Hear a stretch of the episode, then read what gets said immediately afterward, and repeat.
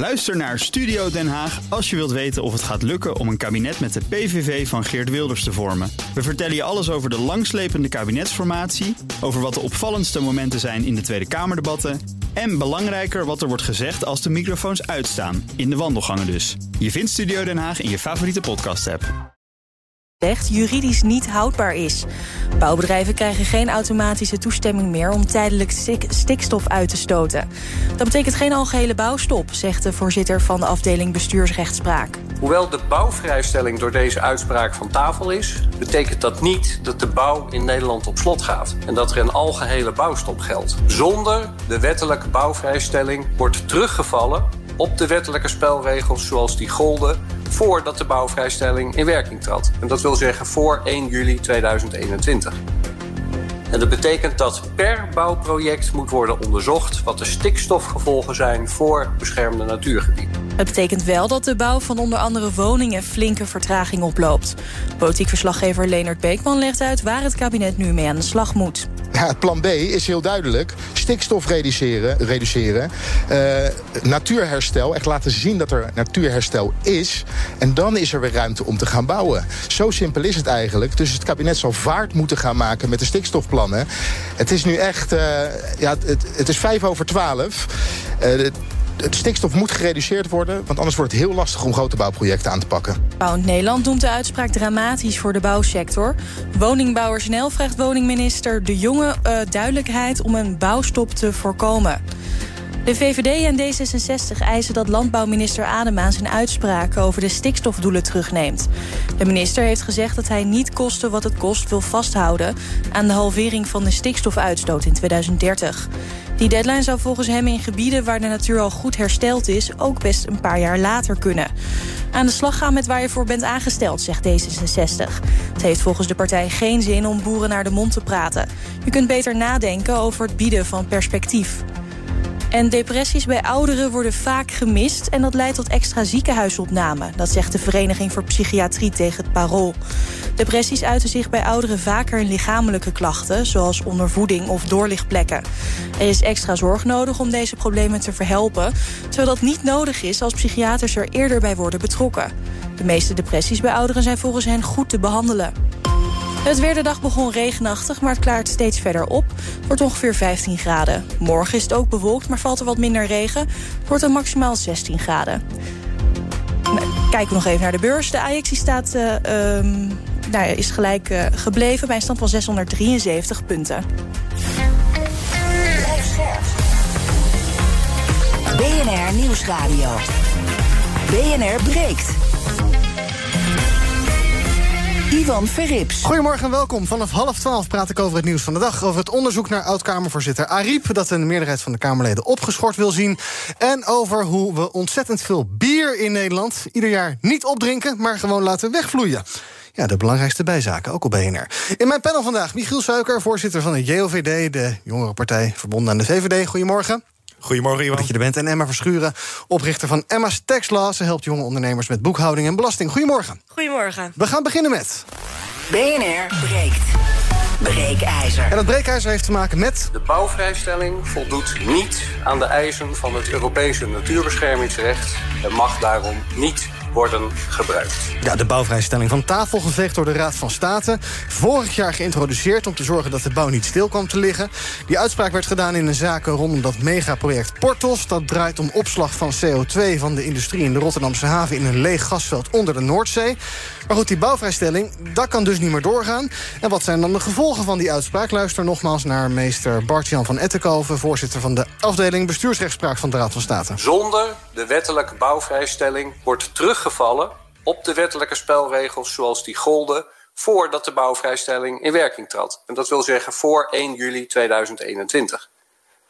En dat betekent dat per bouwproject moet worden onderzocht wat de stikstofgevolgen zijn voor beschermde natuurgebieden. Ja, onderzoek worden gedaan en dat onderzoek kan voor elk bouwproject nog wel eens heel tijdrovend gaan worden en dus voor vertraging gaan zorgen terwijl we die huizen hard nodig hebben. En daarom is ons breekijzer vandaag nog meer vertraging is funest voor de Nederlandse woningbouw. Wat denk jij? Het ermee eens? En vraag je je af eh, ja, hoe dit nu verder moet midden in een woningcrisis of misschien het ermee oneens en vind je dat milieu op de eerste plaats moet komen, dat er ergens een streep getrokken moet worden En die huizen, ja, dat uh, moet dan maar eventjes wachten. 020 468 4x0 is ons telefoonnummer als je wil reageren. 020 468 4x0. Nu bellen, kom je zo meteen in de uitzending. En je kan ook van je laten horen via BNR Nieuwsradio op Instagram. Dan krijg je over een minuutje of twintig een tussenstand van me. Zometeen hoor je hoe mijn twee panelleden over dit onderwerp denken. Maar ik begin bij Rogier Kegge. Hij is hoogleraar omgevingsrecht aan de Universiteit Leiden. En ook bij me is politiek verslaggever Leonard Beekman. Goedemorgen allebei. Goedemorgen. Goedemorgen. Leonard, ik begin even bij jou. De uitspraak is een uur oud. Uh, de reacties stromen al binnen. Bouwend Nederland noemt het dramatisch voor de bouwsector. Twaalf uur op deze zender trouwens Maxime Verhagen... de voorman van Bouwend Nederland. Uh, ja, uh, een ramp, Leonard? Nou ja, dit gaat grote gevolgen hebben. Uh, er is gezegd door de wetgever, de wetgever die had zich bij de brouwvrijstelling had rekening moeten houden met de Natura 2000 gebieden. En het pakket dat eronder ligt moet dus robuust en effectief zijn. En dat betekent eigenlijk dat je moet stikstof reduceren. Wij hebben wel heel veel plannen in Den Haag. In Den Haag maakt, eh, we kennen allemaal eh, de kaartjes van eh, Christiane van der Wal. we weten dat het in 2030 gerealiseerd moet worden. maar die plannen zijn niet robuust genoeg. En nog niet uitgevoerd, nog veel belangrijker. En zolang dat niet het geval is, kan zo'n bouwvrijstelling geen stand houden. En dat betekent nu dat als je wil gaan bouwen in de buurt van Natura 2000 gebieden... want er zijn plekken waar je nog wel kan bouwen... maar als je in de buurt van Natura 2000 gebieden gaat bouwen... en dan zal je eerst moeten laten onderzoeken dat de natuur niet verslechtert... En de natuur moet eigenlijk eerst voor een deel hersteld zijn... voordat je weer kan gaan uitstoten. Dus het gaat allemaal heel lastig worden. Heb je al iets gehoord van Hugo de Jonge, onze uh, minister die over wonen gaat? Heb ik nog niet gehoord. Ik kom echt net uit het gebouw van de Raad van State gerend. Ik ben bijna bij de Tweede Kamer. Nog geen reactie van Hugo de Jonge. Ook niet uh, op Twitter gezien. Uh, maar ja, het is wel een uh, fikse tegenvaller hoor. Voor, voor Hugo de Jonge. 900.000 woningen wil hij gaan bouwen. Tot 2030, tot en met 2030. Ja, ga daar maar aan staan in deze tijd. Luister even mee naar Johan Vollebroek, de voorman van MOB... die dit probleem bij de Raad van State aankaarten. Uiteraard, dit is precies wat wij hebben willen. Die bouwvrij vrijstelling. Die had nooit gemogen. Dat wist ook de regering. Want we hebben natuurlijk al de uitspraak van mei 2019 gehad. Toen is al gezegd, met een algemene vrijstelling... in dat geval voor bemesten, is geen ruimte in de wet. Ze hebben hetzelfde geitenpaadje weer opnieuw bewandeld. Dus uh, het, het, dit kon alleen maar de juiste uitspraak zijn. En natuurlijk, dit betekent geen bouwstop. Dat heeft de heer uh, staatsraad Etterkoven heeft dat natuurlijk ook toegelicht. En dat was uh, Johan Vollebroek van MOB. Nee, nog even een kleine verbetering. Dit is Valentijn Woest, is dit van ah. uh, MOB. Nou, dan weten we dat ook weer heel goed. Um, ja, stond hier niet, maar dan weet ik het nu wel. Ik dacht wel, ik dacht ook dat uh, Johan Vollebroek wat ouder was. Het leek nee, een jonge stem van ja. man. Nee, precies, exact. Alright, we gaan eventjes kijken ook bij Rogier, ons breekijzer. Nog meer vertraging is funest voor de Nederlandse woningbouw. Rogier, wat vind jij? Ja, nee, het zal, zal zeker tot meer vertraging gaan leiden. Maar omdat uh, ieder woningbouwproject nu uh, zelfstandig onderzoek moet gaan doen. Terwijl het, het makkelijke van zo'n vrijstelling werkt natuurlijk dat het categoraal werkt. En dat, dat, dat heel veel bouw, bouwprojecten daaronder vallen. Ja, en dat valt nu weg. Maar ja, dat dit, deze uitspraak is niet echt een verrassing.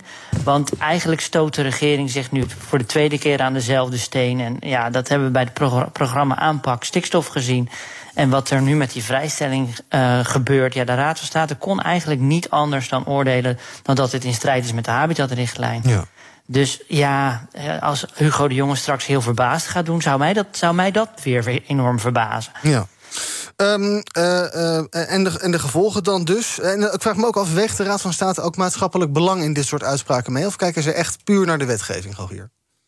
Uh, nou, ze kijken natuurlijk in, in, in eerste instantie naar, naar de, uh, de wetgeving, de wet natuurbescherming en de habitatrichtlijn. Daar hebben wij ons gewoon aan te houden. Alleen in die regelgeving zit dat maatschappelijk belang al verwerkt. Want als jij een project hebt met een heel groot maatschappelijk belang, biedt de habitatrichtlijn op grond van artikel 6 vierde lid al wel een basis om zo'n project doorgang te laten vinden. -hmm. Alleen dan moet je wel de spelregels goed toepassen. En dat heeft de Raad State gewoon keurig uitgelegd in deze uitspraak. Ja. En in welke situatie gaan we nu dus terug? Naar de situatie dat voor elk bouwproject apart moet worden bekeken wat de impact is. Ja, klopt. En, en dus als je een wat groter project hebt en jij vermoedt dat er wel wat stikstofgevolgen kunnen zijn, ja, dan zal je onderzoek moeten laten doen. En dat is natuurlijk duur en, en dat kost tijd. Rondje mijn panel doen. Kijken hoe mijn panelleden erover denken. Michiel, nou, eerste reactie van de JOVD. Kom maar op. Nog meer vertraging is funest voor de Nederlandse woningbouw. Ja, het is een beetje de bureaucratie optima forma. We, hebben, we lijken op dit moment de stikstofcrisis te prevaleren boven ieder ander probleem dat we hebben. Of het nou woningbouw is. Uh, straks krijg je ook weer dat we minder stikstof moeten gaan uitstopen om wel die woningen te bouwen. Dus dan gaan we maar weer boeren moeten uitkopen. Of NN misschien wel? Ja, dit, de, de, dat bedoel ik te zeggen. En dit is eigenlijk een beetje in het straatje van zo gaan we niet tot de oplossing komen. We moeten niet altijd het ene probleem boven het andere probleem maar zetten. En we moeten ervoor zorgen dat we die problemen gaan aanpakken. En niet constant ons druk maken over wat nou de regeltjes zijn.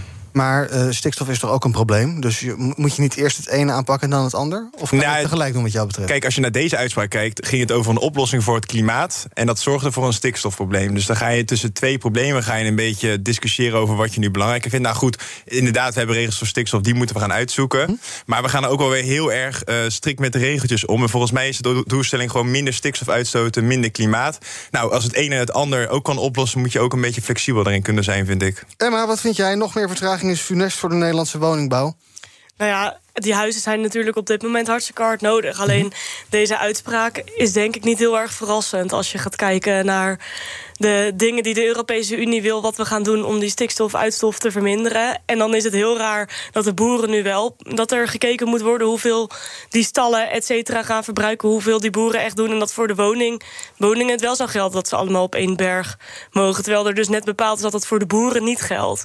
Dus dat zou ook totaal niet eerlijk zijn, maar ja, of het nou leuk is of niet, het neemt niet weg dat die woningen gewoon hartstikke hard nodig zijn. Ja. Uh, dan is er nog iets opvallends, want dit heeft allemaal te maken met het uh, reduceren van stikstofuitstoot. Dan hebben we ook nog landbouwminister Adema. Uh, hè, we werken allemaal toe naar 2030, want dat heeft de coalitie afgesproken. Op, die, op dat moment willen we daar klaar mee zijn. Landbouwminister Adema, die kijkt daar toch iets anders naar. Die zei vanochtend in Trouw van ja, of die zei eigenlijk in, in Drachten, geloof ik, bij een bijeenkomst net boeren. En daar was Trouw bij. Die zei ja, 2030, dat kunnen we best een beetje gaan opschuiven. Dat zou ook wel eens, nou, 32, 33. 33 of 34 kunnen worden in sommige plekken.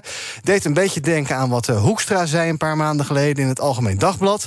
Um, en nu, uh, Leendert, wil bijvoorbeeld de VVD-Kamerlid Tom van Kampen... die wil dat Adema zijn uitspraken terugneemt over 2030. Tjeerd de Groot zegt ook, die noemt het gratis praatjes... die oplossingen in de wielen rijden, die haak staan op dit draagvlak. Ook hij vindt dat uh, Adema zijn woorden moet terugnemen. Is dit een beginnende crisis in de coalitie? Ja, dat denk ik wel. Er is vanmorgen ook al overleg geweest.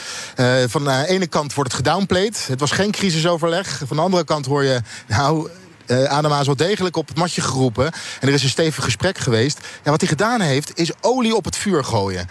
Het was helemaal niet nodig om deze uitspraak te doen. Hij verwijst zelf naar het rapport Remkes, waar dan ruimte zou zijn. Hè, waar gezegd wordt, eh, als het ben niet al te streng. Kijk er nog een keertje naar in 2025, 2028. Maar ja, Morgen wordt er nog gedebatteerd over het rapport Remkes. En is het wel heel onhandig om op de dag dat er ook nog een stikstofuitspraak bij de Raad van State voor ligt. om dan in trouw te gaan zeggen: hé, hey, we moeten toch maar eens kijken of het niet een jaartje verder uitgesteld kan worden. Hm. Ja, uh, bij D66 en ook bij de VVD zijn ze daar toch echt niet tevreden mee. Nee, nou ja, bij Hoekstra was het ook het verhaal van ja, het is op het randje. En Rutte zei ook, het is uh, ook staatsrechtelijk op het randje. Hè. Het uh, kabinet uh, praat met één mond. Ben ik toch ook wel eens benieuwd hoe, hoe meneer Kegge daarnaar kijkt. Ja, nou ja, kijk, op zich de habitatrichtlijn kent geen harde deadline van je moet dan en dan een bepaald doel halen. Alleen het probleem is dat je natuurlijk wel een realistisch pad moet hebben waarmee je uh, binnenkort voldoende stikstofruimte creëert om weer nieuwe projecten te, uh, mogelijk te maken. En daar is, is, is die korte termijn voor bedoeld. En dus als je het elke keer uitschrijft, voor je uitschrijft, dan weet je dus ook dat je op korte termijn onvoldoende ruimte gaat maken om weer nieuwe projecten toe te laten. Dus je eigenlijk schiet, schiet je jezelf daarmee in de voet. En dus, dus ja, op zich een discussie of het nou 2030, 2031, 2033 is, is op zich niet zo heel spannend. Mm. Alleen je hebt, je hebt die ruimte snel nodig als je snel door wil met de woningbouw. Ja. daar, zit, daar gaat deze discussie vooral ja. over. Maar politiek natuurlijk wel spannend. Uh, Michiel, uh, ja. belachelijk dat Adema dit soort dingen zegt. Uh, zeker op zo'n zo'n gevoelig onderwerp op dit moment... terwijl Hoekstra zich er al aan vergalopeerd heeft... komt hij er nog eens even dubbel en dwars overheen. Ja, het verschil tussen Hoekstra en tussen Adema is natuurlijk... dat Hoekstra ook partijleider was. Dus die, dat is dan de reden dat hij misschien iets meer kon zeggen. En wat Adema doet, is denk ik eigenlijk inhaken op dat rapport Remkes... waarbij iets van flexibiliteit werd getoond... Dat is op zichzelf denk ik prima. Alleen het is ook alweer de gevoeligheid. En dat zie je dan ook weer bij de VVD. Van nou, dit past niet binnen ons regeerakkoord. Dus nou, dat vinden we niet fijn. En dan gaan we dan nu weer even heel erg boos om worden. Terwijl ik snap gewoon niet dat het zo moeilijk is dat we nu niet gewoon op basis van dat rapport gewoon een echt plan gaan maken. Waarbij we dan gewoon aan de slag gaan met het oplossen van het stikstofprobleem, klimaat, woningnood, et cetera. We gaan naar de bellers. Niet voordat ik je vertel eh, nieuws dat net binnenkomt. Namelijk dat ehm, Rusland naar verluid vandaag weer mee gaat doen aan de graandeal. Dat zou de defensieminister Shoigu hebben gezegd volgens Turkije. Het Kremlin zegt nog dat ze in gesprek zijn met, eh, ehm, eh, eh, met de Turkije hierover. Maar het lijkt er dus op dat die graandeal weer hersteld wordt. Nou, dat is zo goed nieuws als het gaat om voedselprijzen en honger in de wereld. Daar uiteraard later over meer hier op BNR. Maar eerst gaan we naar onze bellers. En nou, even een jingeltje, lijkt me leuk voor de is. Ja, BNR breekt. Ivan Verrips. Dat maakt een beetje geluid, is toch leuk. Ons breekijzer dus. Nog meer vertraging is funest voor de Nederlandse woningbouw. 020 468 4 keer 0 als je wil reageren. Nou, er hangen al wat mensen best lang te wachten. Meneer Huigens, goedemorgen. Goedemorgen. Algehele verwarring. Vreselijk. Dus ik ben het met de stelling niet eens. Ik ben het eens met de minister van Binnenlandse Zaken... die we straks gehoord hebben. Ja. Dat vind ik knap. Dus laten we nou een beetje al die eh, handlichterij... laten we daar nou toch eens een keertje mee ophouden. En laten we een beetje de regels aanhouden die er zijn. Dat is het dieptepunt. En de minister die heeft nu een poging gedaan... om de dieptepunt weer zo omhoog te doen... dat een beetje law en order... de regels zijn er niet voor niks... En we kunnen niet tegen zijn om die een beetje aan te trekken.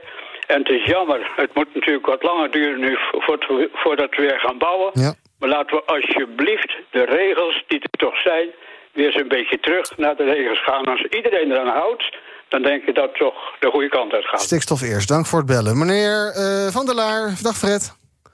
Goeiedag met Fred uit Den Bosch. Hallo, zeg dit, maar. is een, dit is een dramatische dag voor Hugo de Jonge.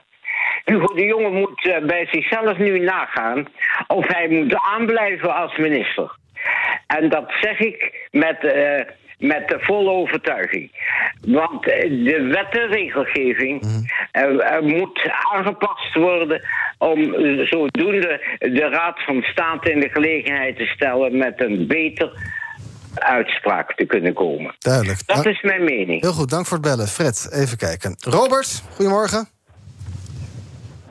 Robert, of Robert? Ja, hallo. Hallo. Goedemorgen, goedemorgen Zeg Ivan. maar. Eh, nou, ik eh, ben het niet mee eens. Ik bedoel, eh, het is al een sprookje dat ze zeggen in acht jaar 20, 30, 900.000 woningen. Nou, je bent dus nu nog bijna zeven jaar. Nou, dan die vertraging. Ah, dit is gewoon belachelijk. Het, probleem is ook de stikstof niet in Nederland. Het probleem is de regering. Want ze maken overal ophef van. En dan denk ik, laat ze gewoon eerst de dingen oplossen die gedaan moeten worden. Altijd dat maar dat, dat, dat ge- geëikte, geslappe gelul. Nee, ze gaan het gewoon niet waarmaken. En ik vind gewoon, als ze eh, sportief zijn, dan pakken ze nu allemaal de spulletjes en gaan ze weg. En laat het maar opnieuw stemmen. Want dit, Nederland, ik, nou, ik, ik, ik schaam me gewoon voor dat ik Nederlander ben. Want het is gewoon niet Nederland meer. Het is gewoon, waar gaat dit naartoe, joh? Ik bedoel, dit is toch gewoon te triest voor woorden allemaal. Ze, ze, ze denken dat we allemaal kleuters zijn of zo. Dat we dat we allemaal geloven. Ja. Dit, dit gaat nooit meer gebeuren. Dank voor het bellen. Twee bellers nog in dit blokje. Jeroen, goedemorgen.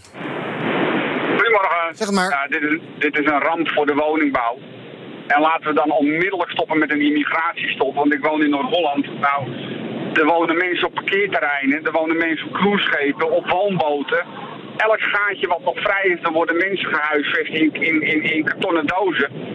Dus laten we dan in godsnaam wat doen aan eh, de toestroom van woningzoekenden. Dank voor het bellen. En Jan, tot slot. Goedemorgen, Ivan. Nou, ik ben het eens met de stelling. Dit is natuurlijk funest voor de bouw. En eigenlijk eh, wel een petje af voor meneer Vollenbroek... die eh, toch maar weer mooi eh, namens alle, of ja, alle wet en regelgeving die er is... heeft gebruikt om zijn zin te krijgen bij de Raad van State ook weer. Is niet voor het eerst. In het verleden is zoiets ook al met de agenda gebeurd. We zouden er eigenlijk van af moeten dat een... ehm, klein uh, groepje of een, een, een, hele kleine beweging zo'n grote invloed kan uitoefenen in het algemeen belang in ons land. En dat is iets wat eigenlijk een beetje fout gaat. En, en die klimaatregels en doelstellingen waar Nederland zich aan heeft geconformeerd, die dateren vaak uit het begin van deze eeuw. Toen hadden we hier 13 miljoen mensen in Nederland wonen, of 14 miljoen. Uh, ja, we zijn niet bereid om uh, afscheid te nemen van 4 miljoen mensen die we maar weer wegsturen. Dus dan moeten we ook, eigenlijk moet Rutte dan nu ballen tonen, naar Brussel gaan en zeggen van ja, leuk Europa, maar we gaan niet meer aan die klimaatverdragen meedoen op dit moment. We moeten gewoon uh, gaan bouwen. En uh, ja, dan maar een aantal Europese subsidies minder. Aan het werk. Dank Jan voor het bellen. Bij mij in de studio Emma Verschuren van Emma's Textlaw... Michiel Suiker van de JOVD. Ook bij me zijn hoogleraar omgevingsrecht Rogier Kegge... en onze politiek verslaggever Leonard Beekman. Ons breekijzer is nog meer vertraging in Funès... voor de Nederlandse woningbouw. Als je nog wil reageren, snel bellen 020 468 4 keer 0 Dan kom je zo meteen nog bij ons in de uitzending. Emma, ik hoor eigenlijk een beetje ja, veel wanhopige mensen... die denken van, ik weet het allemaal niet meer... het is onduidelijk, er wordt met hartstikke veel monden gepraat... Uh, de, de, de ene minister spreekt de andere tegen. Kamerleden roepen het weer terug. De Raad van State zegt dit. Uh, help. Is dat ook bij jou een beeld wat uh, uh, overheerst? En ook dat je denkt van ja, die woningbouw... ik wil misschien ook ooit ergens keer een huis kopen... dat gaat gewoon nooit meer gebeuren. Ja, op die manier maak ik mezelf gelukkig nog niet zo heel veel zorgen erover. Maar het is wel zo dat de wet en regelgeving op dit moment in Nederland... maar dat is echt letterlijk op elk vlak... zo ingewikkeld is dat, zelf, nou, dat de mensen die het geschreven hebben... niet eens meer weten wat erin staat, geloof Mhm. ik. En dat zie je hier dus ook gewoon in terug... dat eigenlijk niemand meer weet wat die wet en regelgeving is. Terwijl iedere Nederlander het zou moeten kunnen begrijpen. Maar uh, ja... Dus je pleit wordt- gewoon voor, vooral voor simpeler. Ja, Ja. ze moeten gewoon wet, wet en regelgeving makkelijker gaan maken. ja. Zodat ook elke Jan Lul zoals ik dat kan begrijpen. Ja. Ja. Ja. maar op dit moment snappen zelfs de hoog, hoogstgeleerde juristen er niks meer van. En dat is toch best wel een schandalig iets, denk ik. Ja. Ehm, eh, Rogier, eh, Jan die zei net... eh, het is eigenlijk best gek dat we een club hebben met een eenling. Meneer Voddenbroek, nou ja, die zit er wat meer achter. Maar dat kleine clubjes dit, soort, grote, eh, eh, dit soort grote zaken kunnen tegenhouden. Ben je het daarmee eens? Eh, nou, nee, daar ben ik het zelf niet mee eens. Ik denk dat het heel goed is dat er milieuorganisaties zijn die eh, belanghebbend zijn bij dit soort besluiten, die grote gevolgen hebben voor het milieu. En je ziet ook dat ze, in ieder geval deze club, ook steeds weer gelijk krijgen. Dus ik denk dat het heel goed is dat juist bij milieuorganisaties de toegang tot de bestuursrechten ruim is. Omdat ja, het milieu komt, kan moeilijk voor zichzelf opkomen. Dus er, er moeten milieuorganisaties zijn die eh, eh, belanghebbend zijn bij dit soort besluiten en naar de bestuursrechter kunnen. Ja, dus dat is wel goed. en dat dat kunnen we vervelend vinden, maar als we het goed hadden geregeld, hadden ze natuurlijk ook geen gegrond beroep gehad. Nee. Want je hoort af en toe ook voorbij komen... nou, lekker dan, eh, Johan Vollebroek, je wordt bedankt. Maar eigenlijk moet je dan dus niet Johan Vollebroek bedanken... maar ja, wie dan wel? Wie is hier de schuldig aan? Nou ja, je kan hier toch ook wel een beetje kijken. Er was natuurlijk na, eh, eh, na de pasuitspraak zijn er gewoon, eh, ja, ik noem het maar wat tijdelijke labmiddelen ge, ge- verzonnen door, de, door het ministerie om de bouw op gang te houden. Terwijl ja, we moeten kijken naar een structurele oplossing. En die gaat er denk ik op termijn ook wel komen. Alleen daar deze partiële vrijstelling, die was te haastig in elkaar gezet. En er had gewoon een keurige, passende beoordeling moeten worden gemaakt. En dat zijn de eigenlijk fouten die ze eerder ook al hebben gemaakt. Leenders, je wilde reageren, geloof ik? Ja, zeker. Ja, eh, ik hoorde net ook even, met verbazing heb ik geluisterd eh, naar de heer Suiker van eh, JOVD. We moeten toch niet zo streng met die regeltjes omgaan, om het even kort samen te vatten. Ja, het is eigenlijk vrij simpel. Eh, hier in Den Haag, ik sta nu voor, de kamer van, eh, voor het gebouw van de Tweede Kamer. De core business is wet en regelgeving. En je hebt je ook daarbij te houden aan de wetten die vanuit Europa, hè, waar we, hè, die vanuit Europa gesteld zijn. En toen de bouwvrijstelling gemaakt werd, werd er vanuit de Raad van State al geadviseerd: doe het niet, want het wankelt. Het is desondanks toch gebeurd. En dat, dat zegt nu net ook de, de, pers, eh, eh, de persvoorlichter van de Raad van State. Ja, eh, we zagen dit, hè, het is in mijn woorden, maar we hadden dit kunnen zien aankomen. Want het was wel duidelijk dat de wet rammelde. Ja, en we moeten ons hier, hè, hier in Den Haag. als we ons niet, meer eens, niet eens meer aan de wet en regelgeving gaan houden, maar hè, gewoon plannen gaan maken. Eh, omdat het ons goed uitkomt, omdat we het nu, eh, nu nodig hebben, ja, dan is het einde zoek hoor. Daar mag meneer Suiker van de JOVD wel even op reageren. Dus inderdaad eh, niet zeggen, ja, eh, eh, we moeten niet het strengste jongetje van de klas zijn... en een acht laten we maar een beetje soepel ermee omgaan... maar laten we gewoon wetgevingsprocessen goed doen... en eh, er niet zo'n puinhoopje van maken. Nou, Ik zou het dan even moeten terugluisteren, maar volgens mij heb ik het ook niet op die manier bedoeld. Wat ik probeer te zeggen is dat we hebben wetgeving gecreëerd met stikstof, waardoor we nu op heel veel andere vlakken problemen krijgen. En daar zie je op dit moment dat we het ene probleem door het andere uit het oog gaan verliezen. Hè. Dus door deze stikstof verliezen we de klimaatdoelstellingen uit het oog. Daar is deze uitspraak ook een heel mooi voorbeeld van, denk ik. Dus dat je aan de wet en regelgeving moet houden, daar ben ik het natuurlijk helemaal mee eens. Dat is ook wel het uitgangspunt. Alleen je moet wel naar Ja, een breder goede perspectief durven kijken. wet en regelgeving moet maken. Eens. Ja. Dat, dat, dat volledig. Oké. Eh, tot slot nog eventjes hebben over het RIVM, want daar speelt ook weer wat. Ze hebben opnieuw een rekenfout gemaakt. Eh gaat om een lijst met eh, grote belasters als het om stikstof gaat. Allemaal weer vertraging op vertraging op vertraging. Eh, minister Van der Wal die is verdrietig en boos zelfs. En die gaat extern onderzoek laten doen naar het RIVM. Ehm, eh, ja, Leendert, eh, zeg eens wat. ja. het is allemaal eh, Het is een net zoals Adema. storm, is dit. Ja, dit is de perfect storm hoor vandaag. Het is allemaal verschrikkelijk onhandig. De piekbelasters eh, zullen. Er komt nu extra druk op dat stikstofdossier. Het uitkopen of. dit, in ieder geval, het uitkopen is niet per se het doel, maar dat. Waarschijnlijk gaat het wel gebeuren, uitkopen van piekbelasters... of de piekbelasters iets anders gaan doen of verhuizen. Eh, dat zal nu de hoogste prioriteit hebben. Ja, en dan om nu weer... En dat er nu een lijstje ligt met de verkeerde bedrijven erop... ja, dat is, eh, dat is funest en dat zal morgen in het debat ook terugkomen. Ja. Eh, ja, het is een puinhoop. Wat eh, verwacht jij tot slot, eh, Michiel, nu van Hugo de Jonge? Die gaat, die gaat dit vervelend vinden. Ja, maar wat wil je van hem zien? Wat moet hij gaan doen? Nou, die moet ervoor gaan zorgen dat je weer ruimte gaat creëren, dat er wel woningen komen. Want dat, hè, dus die goede wet en regeling waar we het net over hadden, die moeten gaan komen. En dan voornamelijk ook dat, inderdaad, we hebben dat stikstofprobleem, maar we moeten dat niet altijd boven het woningtekort willen gaan plaatsen. En Want dat probleem moeten we ook gaan oplossen. Dus op die manier moet er dus goede wet en regelgeving komen dat dat probleem niet gaat leiden onder het stikstofprobleem. Laten we tot slot van dit half uur nog twee bellers doen. Even kijken. Die reageren op ons breekijzer. Nog meer vertraging is funest voor de Nederlandse woningbouw. Lisa, goedemorgen. Ja, goedemorgen. Ehm, ik, eh, ik ben het een beetje, eh, ja, hoe moet ik zeggen, ben ik het eens of niet? En 50 jaar geleden was het al bekend dat we natte voeten zullen krijgen als er niets wordt gedaan. Er is het allemaal voor, ze hebben het allemaal voor zich uitgeschoven. Mijn zoon heeft nu ook een huis gekocht. Maar de vraag is of het gebouwd wordt. Dus ik ben het er helemaal mee eens dat die huizen gebouwd moeten worden. Maar om te zeggen dat alles van de stikstof, dat is allemaal onzin en de hoge heren snappen het niet. De hoge heren snappen het wel.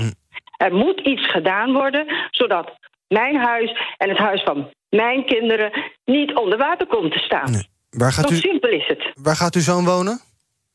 Purmerend. Oh, en, ook eh, en wa- wanneer is de oplevering gepland? Eh, volgend jaar, eind van het jaar. Nou, reken daar maar wat eh, maanden, zo niet jaren bij. Ja, dus dat is het. Ik, ik, ik begrijp heus wel dat er woningen gebouwd moeten worden. Mhm. Maar aan de andere kant, als zijn woning gebouwd wordt... hij woont in het westen. Ja. Zijn woning komt onder water. Wat heeft hij eraan? Ja. Mijn woning komt onder water. Ik woon in Amsterdam. Wat hebben we eraan? Je hebt niks aan het een zonder het ander. Dank en tot slot, Paul. Ja. Zeg het maar. Oh, hoor je me? Jawel. Ja. Ehm, ik moet heel eerlijk zeggen, ik ehm, denk dat het een tweeledig verhaal is. Ik denk dat we enerzijds eh, absoluut meer aan natuur moeten gaan doen, maar dat we ook veel slimmer moeten gaan bouwen. En dat betekent duurzamer, enerzijds. En anderzijds dat we ook gewoon veel beter moeten gaan kijken naar eh, hoe we vergunning verlenen. Als je dingen hoort dat er wel een villa gebouwd mag worden voor op een bepaald stuk grond, maar dat er bijvoorbeeld niet tien tiny houses op mogen gaan komen. Ehm, ja, daarin denk ik dat we eigenlijk binnen de regelgeving al heel veel eh, ruimte hebben als we daar gewoon veel slimmer mee omgaan. Dank voor eh, jouw suggestie. En ook dat is dus eigenlijk weer, het moet en-en zijn. En daar mag het eh, kabinet nu mee aan de slag. Want er liggen vraagstukken genoeg. Ehm, ik dank ook Leonard Beekman, onze politiek verslaggever in Den Haag... en om, hoogleraar omgevingsrecht Rogier Kegge... verbonden aan de Universiteit Leiden. Op onze Instagram-pagina is 79% het eens met ons breekijzer. Nog meer vertraging is funest voor de Nederlandse woningbouw. Daar kan je nog de hele van je laten horen. Laatste nieuws is dat eh, zojuist bevestigd is door minister Shoigu aan Reuters... dat eh, inderdaad eh, eh, zij weer mee zullen gaan doen aan de graandeal. En Shoigu zegt dat het mogelijk was om allerlei garanties te krijgen op papier van Kiev... dat die graancorridor niet zal worden gebruikt voor militaire operaties. Nou, weet u dat ook weer? Wat ik al zei, later meer daarover op BNR. Zometeen gaan we nog praten over ja, meer wat te maken heeft met milieu en klimaat. Namelijk zes op de tien bedrijven wil in 2030 klimaatneutraal zijn. Maar vooral de grote bedrijven, die zijn eigenlijk helemaal niet met verduurzaming bezig. Zou dat misschien, ja, weet ik veel, verplicht moeten worden of zo? En bier! Ja, we laten ieder jaar miljoenen liters bier door de afval spoelen. Onacceptabel. En mijn hart huilt. Wat gaan we daar nou tegen doen, behalve opdrinken? Tot zo. Ook Harm Edens vind je in de BNR-app. Je kunt BNR Duurzaam niet alleen live luisteren in de app, maar ook terugluisteren als podcast, zoals al onze podcasts. En naast dat de BNR-app Breaking News meldt, houden we je ook op de hoogte van het laatste zakelijke nieuws. Download nu de gratis BNR-app en blijf scherp. Blijf scherp. BNR Nieuwsradio. BNR breekt. Verrips. Welkom terug in mijn panel vandaag. Emma Verschuren van Emma's Taxlaw en Michiel Suiker. Hij is de voorzitter van de JOVD. We gaan praten over al dat andere nieuws van de dag. Hallo, ik ook nog even moet bekomen van uh, al het andere nieuws van het vorige half uur. Je hoorde het net al bij Melissa, zometeen om uh, half vier... de reactie van de ministers van der Wal van Natuur en Stikstof... en de jongen van Volkshuisvesting op die Raad van State uitspraak. Dat allemaal straks hier op BNR, uiteraard ook. ander nieuws vandaag. Terwijl sommige bedrijven duurzaamheid hoog op het prioriteitenlijstje hebben staan, blijkt dat bij veel bedrijven de ambitie om bijvoorbeeld klimaatneutraal te worden volledig ontbreekt. Laat een onderzoek van de UVA zien, de Universiteit van Amsterdam. Meer dan de helft van de ondervraagde bedrijven geeft aan om voor 2030 klimaatneutraal te willen zijn. Maar bijna 20 procent, toch een vijfde, die laat weten dat ze dat pas in 2099, dat is over 77 jaar, of misschien zelfs ja, helemaal niet gaan doen. En die groep bevat juist veel bedrijven die een grote ecologische voetafdruk hebben. En dan Emma, terwijl wij allemaal bezig zijn met uh, uh, kachels lager zetten en uh, kleedjes aanschaffen en truien aantrekken, zijn er ook allerlei bedrijven die zeggen: Moa, dat duurzaamheid en dat klimaatgedoetje, dat laat maar zitten. Sommige bedrijven zeggen zelfs dat ze klaar zijn met de klimaathype. Snap je dat? Nou ja, aan de ene kant, volgens mij doen de meeste huishoudens mee, omdat ze het gewoon financieel niet zo nou ja, leuk vinden om die torenhoge prijzen te betalen. En al die bedrijven, die kan het niet zoveel verschillen, heb ik het idee wat ze moeten betalen. Mhm. Dus de huishoudens doen ook niet per se mee vanuit uh, nou ja, zuinigheidsdoeleinden, maar meer mhm. gewoon vanuit hun eigen portemonnee. Maar ergens is het wel heel erg hoe zij met de wereld om willen gaan. Mhm. Want nou ja, over die 99, tenminste in 2099, zullen zij zelf niet meer op de aarde rondlopen, maar hun kinderen of kleinkinderen wel. En die zouden toch ook wel op een normale aarde moeten kunnen rondlopen. En niet in een of, andere, een of andere verdorde wereld... omdat zij het helemaal kapot hebben gemaakt. Ja, dus je zou er wel voor pleiten van... goh, uh, denk er tenminste aan. En uh, wat kan je zelf doen als bedrijf? En ja, ja. niet iedereen hoeft de hele dag alleen maar uh, gras te eten... en alle verwarming uit te zetten. Maar dat je even nadenkt van, goh, wat kan je doen? Ja, en het hoeft echt niet tot in een treuren doorgevoerd te worden... maar je kan wel een beetje na gaan denken... in plaats van zeggen, we doen er niks mee. Ja. Ik heb Giel Suiker net horen pleiten voor... nou, de regels heel streng naleven. Misschien hoeft dat niet. Hoe denk je bij dit onderwerp daarover? Oh, nee. Kijk, wat, wat ik hoor is... je zei inderdaad dat niet alle bedrijven last hebben van de energieprijzen. Ik denk juist dat heel veel bedrijven ook op dit moment last hebben van energieprijzen. Dat je dus ook nu ziet dat door schaarste mensen ook anders omgaan met die hoge prijzen. Waardoor je ziet ook dat bedrijven de, eigenlijk nu de gevolgen zien. Mhm. En het positieve vond ik juist zo erg dat je ziet dat ook de, de marktwerk op dit moment het probleem kan oplossen. Uh, om klimaatbewuster te worden. Dan is er een klein groepje inderdaad die dat nu niet nou, doet. Een vijfde. Een vijfde. Nou, en van die groep, als die echt niet zou willen meewerken. Hè, dat klimaat is een grote probleem. Dat zou dan hè, het kopje marktfalen voor mij vallen. Nou, dan, dan moet je daar naar een andere oplossing gaan. In de, in de zin van, zorg maar dat je het gaat regelen. Hè, dus als je het over regeltjes hebt. Uh, alleen wel wat ik zou zeggen, want dat stond volgens mij ook in... dat een kwart ook weer wil vertrekken naar het buitenland van de bedrijven... door al deze maatregelen, moet je dat wel op een groter uh, speelveld doen... dan alleen de Nederlandse wetgeving. Dat moet je mhm. dan internationaal doen. Volgens mij heeft Frans Timmermans nog wel thijs over... dus kan hij dat prima even regelen voor ons. Ja, denk jij dat er een klimaathype is? Nee, ik denk helemaal niet dat er een klimaathype is. Ik denk dat we een, probleem hebben. Alleen doordat we al die problemen door elkaar hebben op dit moment... dat mensen door het bomen bos niet meer zien. Ja, ik zag eh, Henk Volberda, die het onderzoek leidt eh, bij de UvA, hoogleraar... die pleit voor een ranglijst waarop bedrijven staan... die het meeste en het minste uitstoten. Doel is om bedrijven een zetje in de rug te geven... om meer te verduurzamen. Maar denk je dat dat werkt, zo'n... Ja, het voelt toch een beetje als een soort naming- en shaminglijst, Emma. Is dat, moeten we dat gaan doen? Van jullie zijn de viespeuken en jullie zijn de schoonarts? Ja, aan de ene kant denk ik dat het voor de, degenen die bovenaan staan hartstikke goed werkt. Alleen degenen die onderaan staan, die hebben dan toch wel weer excuses of zo. Uh, en mooie praatjes, waardoor er weinig effect, denk ik. Hm. Alsnog. Uh, doorkomt. Dus weinig zin, vrees jij. Dus het is iets als de Klimaatweek, geloof ik nu. Hè? Ik zag een filmpje geopend uh, door Rob Jetten... die allemaal zei van ja, inderdaad, we moeten van alles en nog wat doen. Maar ja, wij particulieren kunnen wel allemaal uh, heel uh, bewust mee bezig zijn. Maar als al een vijfde van, van de bedrijven zegt... joh, dikke middelvinger, dat helpt ook niet echt mee, hè? Nee, nee, zeker niet. En moet ik ook nog eens zeggen dat de huidige regelgeving... waarbij eigenlijk het niet uit meer maakt hoeveel energie... nou ja, er is een grens, maar dat je energieprijs uiteindelijk wordt verlaagd... Mm -hmm. hè? Door dat energieplafond zorgt er ook niet echt voor... dat mensen bewuster met hun gedrag omgaan. Mm. Dus onze regelgeving is ook niet echt op dit moment... om iedereen te zorgen dat er zo min mogelijk energie wordt verbruikt. Verplichten? Voor bedrijven? Ja, dat je in ieder geval zegt van je moet erover nadenken uh, wat je doet op het gebied van uh, uh, klimaat. Nee, nee, oh. dat geloof ik niet. Want dan ga je ook niet de oplossing mee hebben die je deze bedrijven hebben. Wat je moet verplichten is denk ik op een gegeven moment dat de bedrijven die niet meedoen, dat die wel mee zullen doen. Op het moment dat het dat niet blijkt. Maar goed, dat moet je uiteindelijk bij een volgende evaluatie weer zien. Verplichten, Emma? Nou ja, aan de ene kant is het wel goed omdat ze dan gestimuleerd worden. Maar aan de andere kant, ja, als het allemaal niet vrijwillig gaat, dan is het ook ja. maar de vraag of ze het dan wel echt doen of dat het lijkt alsof ze het doen. Uh. Ja, het Planbureau dus voor Leefomgeving constateerde gisteren dat we met de huidige klimaatplannen die 55% uitstootvermindering in 2030 toch niet gaan halen. Dus wat maakt het eigenlijk ook uit? ja, we gaan, toch wel naar, we gaan er toch wel aan. Blijf positief, Ivan. Oké. Okay. Nou, ik ga mijn best doen. Ander nieuws dan. Gaat over uh, Khadija Ariep, de oud Tweede Kamervoorzitter van de PvdA. Die uh, uh, is, heeft de Kamer verlaten. met een vrij stille trom eigenlijk. En het onderzoek naar haar wordt, als het aan de Kamer ligt, opgeschort. Gisteren vond er een rommelig debat plaats over de werkwijze van de Kamer. Uiteindelijk stemde de meerderheid van de Kamer voor het opschorten van het onderzoek naar Ariep. Maar of dat ook gaat gebeuren, is nog onbekend. Kamervoorzitter Bergkamp die gaat die kritiek meenemen naar het presidium en daar bespreken en daar misschien wel of niet iets besluiten.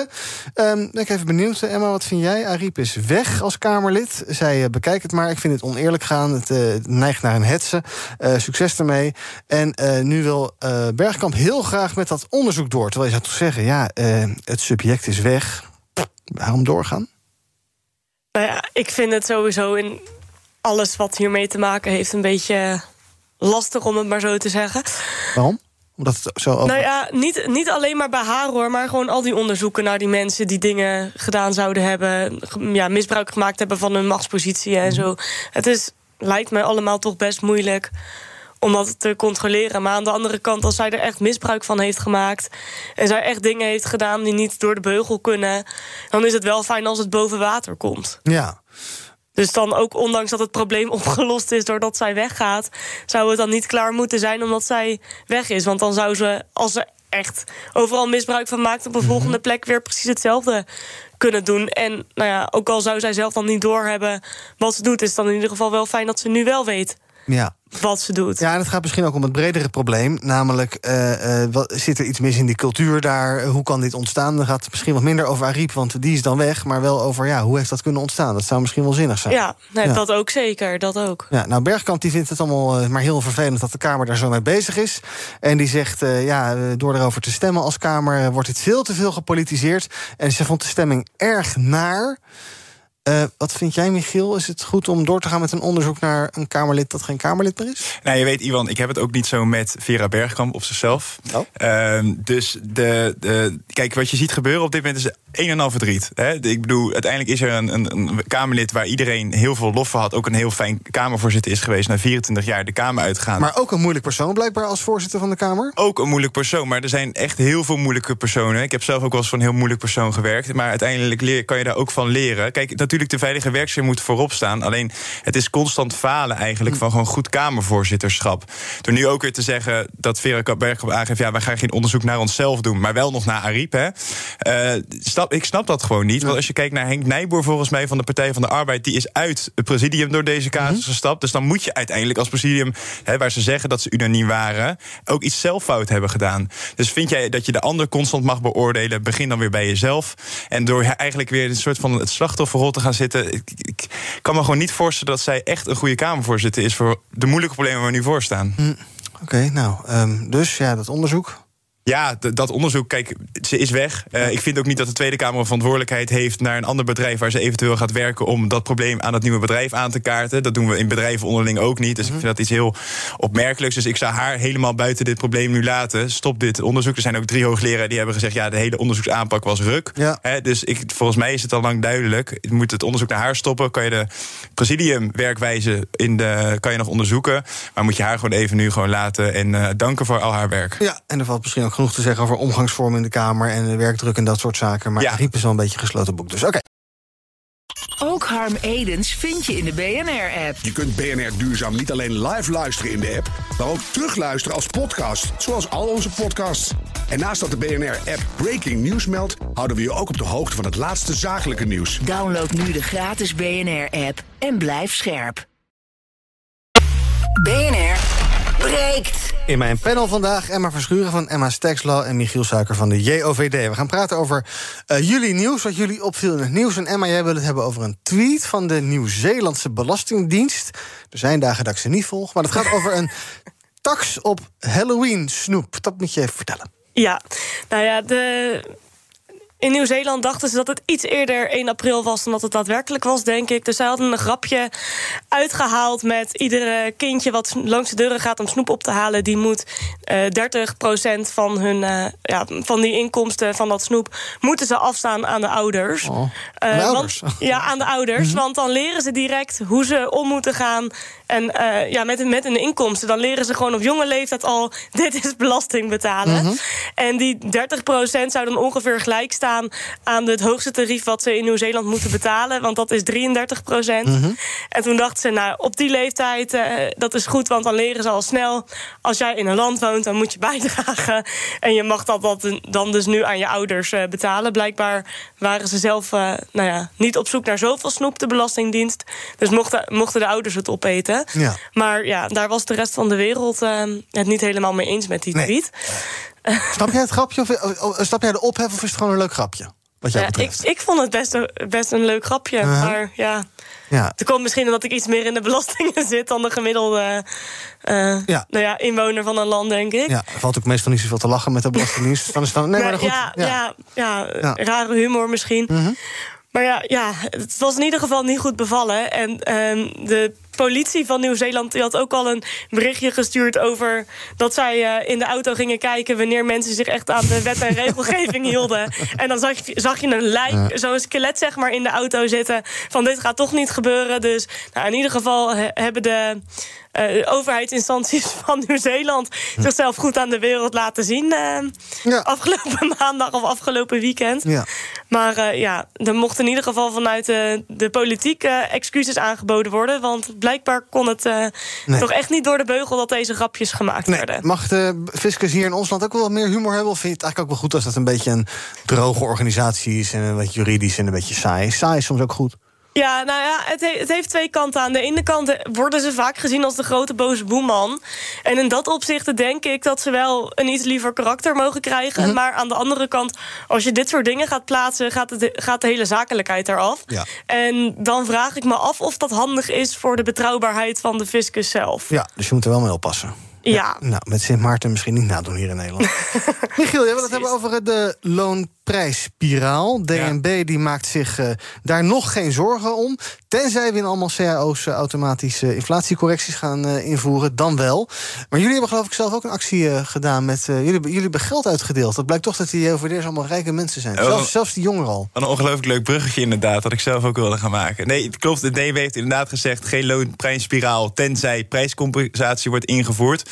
Waarmee ze eigenlijk zeggen, op het moment dat we nu constant in de lonen... ook weer de inflatie gaan doorberekenen... zorgen ervoor dat we uiteindelijk in een soort van cirkelredenering komen... met inflatie op inflatie. Hè. Overcompensatie leidt tot inflatie in dat opzicht. En uh, dat hebben wij met de JVD inderdaad gisteren ook uh, duidelijk proberen te maken... aan de VVD en aan überhaupt de hele regering. Mhm. Mm -hmm. Is dat we nu zien, ook doordat we de energie voor iedereen aan het compenseren zijn... dat we eigenlijk niet tot een permanente oplossing aan het leiden zijn. Er zijn gewoon heel veel mensen, daar kwamen we ook achter. Wij gingen dan, uh, wij vroegen aan iedereen, heeft u 10 euro nodig? Ja. Nou, als ik aan jou vraag, Iwan, heeft u 10 euro nodig? Nee, niet acuut 10 euro. Nou, precies. En dan val jij dus onder de doelgroep die eigenlijk ook in mijn ogen die prijscompensatie voor die energietoeslag ook niet nodig Oh, jij heeft. boort die 190 euro even door mijn neus. Nou, wat ik probeer te zeggen is dat het niet zo'n doelmatige maatregel is. En dat zie je dus eigenlijk veel meer terugkomen. Want ik denk wel van de 100 mensen die we hebben aangesproken... hebben 90 mensen gezegd dat ze het niet nodig hebben. En 10 hebben dan gezegd van wel. Nou, die hebben toen niet 10 euro uitgedeeld. En dat is dan even het ludieke daaraan. Dat je dus zegt, we geven gratis geld weg. Maar wel even om dat statement duidelijk te maken... van we moeten nu dus echt op, op zoek gaan naar hele goede wetgeving. En niet drie dagen voor Prinsjesdag, want dat zie je gebeuren dan. Dan gaan ze nieuwe wetgeving bedenken. Ja. En het is constant een beetje in de zin van... oké, wat is nu de waan van de dag eh, en hoe gaan we dat oplossen? En heel weinig echt eh, regeringsbeleid. Ja, aan de andere kant het verhaal als je zegt tegen mensen... nou, eh, meld je maar als je 10 euro nodig hebt... dan kennen we ook het verhaal dat mensen die dat nodig hebben... die weten dan juist die loketten niet te vinden... en die weten de weg naar de gemeente niet te vinden... en die bereikt het dan weer net niet. Dus Ja, dat, dat, dat was in dit geval ook misschien geen oplossing geweest. Kijk, er is natuurlijk wel heel veel duidelijkheid over hoeveel mensen in de uitkering zitten op dit moment. We weten in ieder geval dat mensen onder de 7000 euro kunnen wij zo in kaart brengen. Nou, Mhm. als je dat, die groep al zou compenseren, dan heb je al doelmatiger beleid dan wat we nu op dit moment aan het doen zijn. Ja, ik wil dat tientje wel trouwens. Nou, dan kom je zo even langs op het Lange Verhoud 12 in Den Haag. Maar dat is een open uitnodiging. Dat is voor iedereen die lid wil worden van de Jongerenorganisatie Oh, en ja. Democratie. Is een open uitnodiging. Dankjewel voor deze Maar krijg, reclame, een, maar krijg je ook een tientje dan? Tuurlijk, tuurlijk. Kom vooral langs. Als je het nodig hebt. Staat op band. Goed. Pas maar op.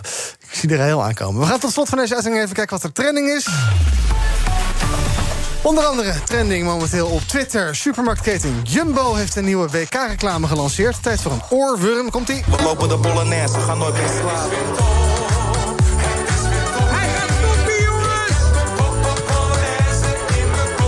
Ja, toppie toppie dus. In de reclame lopen bouwvakkers vrolijk de Polonaise... en dat terwijl bij de bouw van de stadions voor het WK in Qatar... duizenden mensen om het leven zijn gekomen, bouwvakkers.